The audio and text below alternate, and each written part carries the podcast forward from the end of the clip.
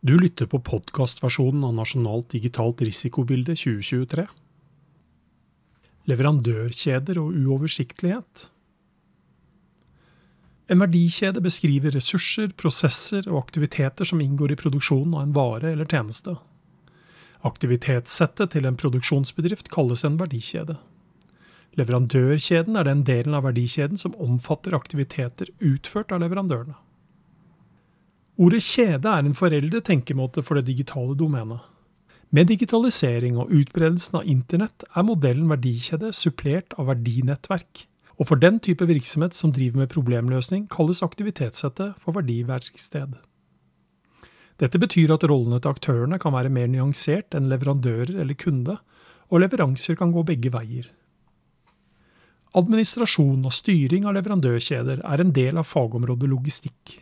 Over tid har leveransekjeder økt i kompleksitet. Når virksomhetskontinuitet er avhengig av digitale tjenester som er tjenesteutsatt, stopper virksomhetens tjenesteproduksjon i samme øyeblikk leverandøren ikke kan levere sin tjeneste. En følge av dette er at styring av digitale leverandørkjeder må være en del av virksomhetens helhetlige risikostyring, og må underlegges den samme kontroll og oppfølging som alle leverandører. Utfordringen er at digitale leverandørkjeder er uoversiktlige, et eksempel er programvare, hvor det i dag er utstrakt bruk av åpen kildekode. Avhengig av hvilken bransje det gjelder, blir det anslått at mellom 75 og 90 av applikasjonene inneholder åpen kildekode. Hvor stor andel av kildekoden som er åpen kildekode, vil variere mellom forskjellige typer applikasjoner. Særtrekk for et leverandørkjedeangrep. For en virksomhet som blir utsatt for leverandørkjedeangrep, kan dette beskrives som en digital innsidetrussel. Virksomheten har selv anskaffet og startet skadevaren i sine egne systemer, og på den måten blir flere sikkerhetstiltak satt ut av spill. For trusselaktøren er leverandørkjedeangrep en multiplikator. De fleste stegene i et cyberangrep gjennomføres mot én virksomhet, leverandøren. Multiplikatoren er at det siste steget i angrepet skjer hos leverandørens kunder, og i praksis utføres det siste steget av kundene selv. Kunstig intelligens i leverandørkjedene. Kunstig intelligens er allerede tatt i bruk ved utvikling av programvare, bl.a. i form av programmeringsverktøy med innebygget digital assistent, som kan fungere som en partner ved parprogrammering. Dermed blir leverandørkjeden for kunstig intelligens som brukes i slike verktøy, en del av leverandørkjeden til programvaren som blir utviklet, og må underlegges risikostyring av leverandørkjedene for å unngå at kunstig intelligens blir en digital innsidetrussel. Bedre risikostyring av leverandørkjedene.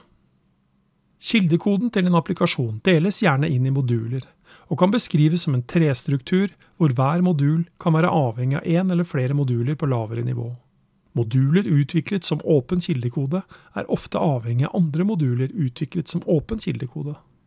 Resultatet er at én en enkelt applikasjon kan ha flere lange avhengighetskjeder til kildekode utviklet av mange forskjellige personer eller prosjekter. Det er nødvendig å skaffe tilstrekkelig oversikt og et grunnlag til å gjennomføre en løpende risikovurdering og skape en mulighet for å iverksette korrigerende tiltak når det varsles om sårbarheter. En mulig løsning er å etablere standardisert system for digitale stykklister, også kalt Software Bill of Materials. Dette er en problemstilling som det har vært arbeidet med i minst ti år, og som i praksis krever at tilstrekkelig mange land stiller samsvarende krav om denne typen dokumentasjon av programvare. Digitale stykklister vil gi bedre oversikt over hvilke komponenter et system består av, og en mulighet til å følge opp varsling om sårbarheter.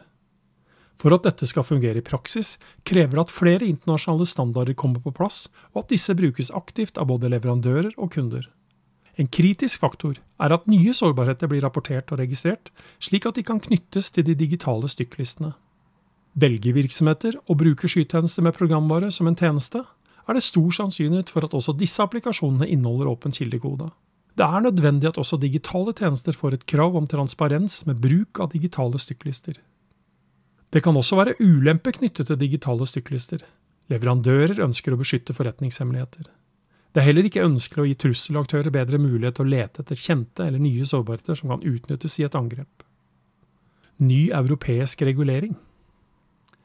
Enkelte utfordringer med leverandørkjedene er adressert i EUs NIS2-direktiv. EU-kommisjonens forslag til et rammeverk for digitale produkters og tjenesters robusthet, Cyber Resilience Act, inneholder bestemmelser om bruk av digitale stykklister.